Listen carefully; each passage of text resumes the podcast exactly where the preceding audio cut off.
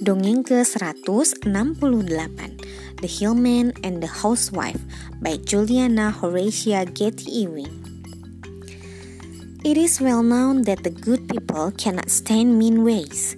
Now, there once lived a housewife who was a good woman, but gave only to others what she had no use for. One day, a hillman knocked at her door. Can you lend us a saucepan, good mother? Said he. There's a wedding in the hill, and all the pots are in use. Is he to have one? asked the servant girl.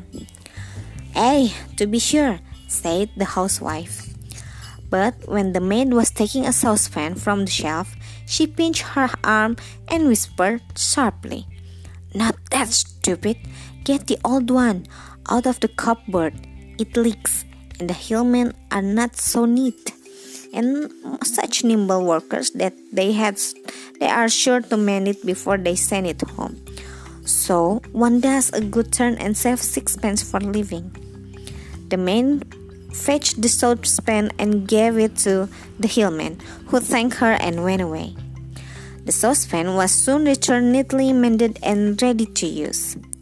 At supper time, the maid filled the pan with milk and set it on the fire for the children's supper. But in, in a few minutes, the milk was so burnt and smoked that no one could touch it, and even the pigs would not drink the wash into which it was thrown. You good for nothing, cried the housewife to the maid. And this time she filled the pan herself. You will ruin the riches with your careless way. There's a whole quart of milk spoiled at once, and that's two pence, cried a voice from the chimney. A queer whining voice like some old body who was always grumbling over something.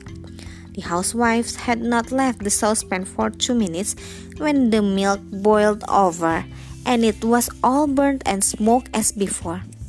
The pan must be dirty, cried the housewife in a rage and there are two full quarts of milk as good as thrown to the dogs. That's four pence, said the voice in the chimney.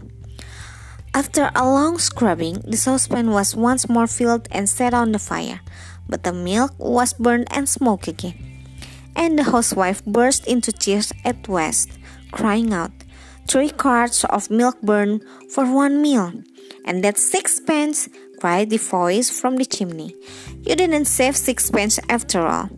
With that, the hillman himself came tumbling down the chimney and went off laughing through the door. And from that time on, the saucepan was good as any other. Sekian, terima kasih telah mendengarkan. Selamat malam. thank you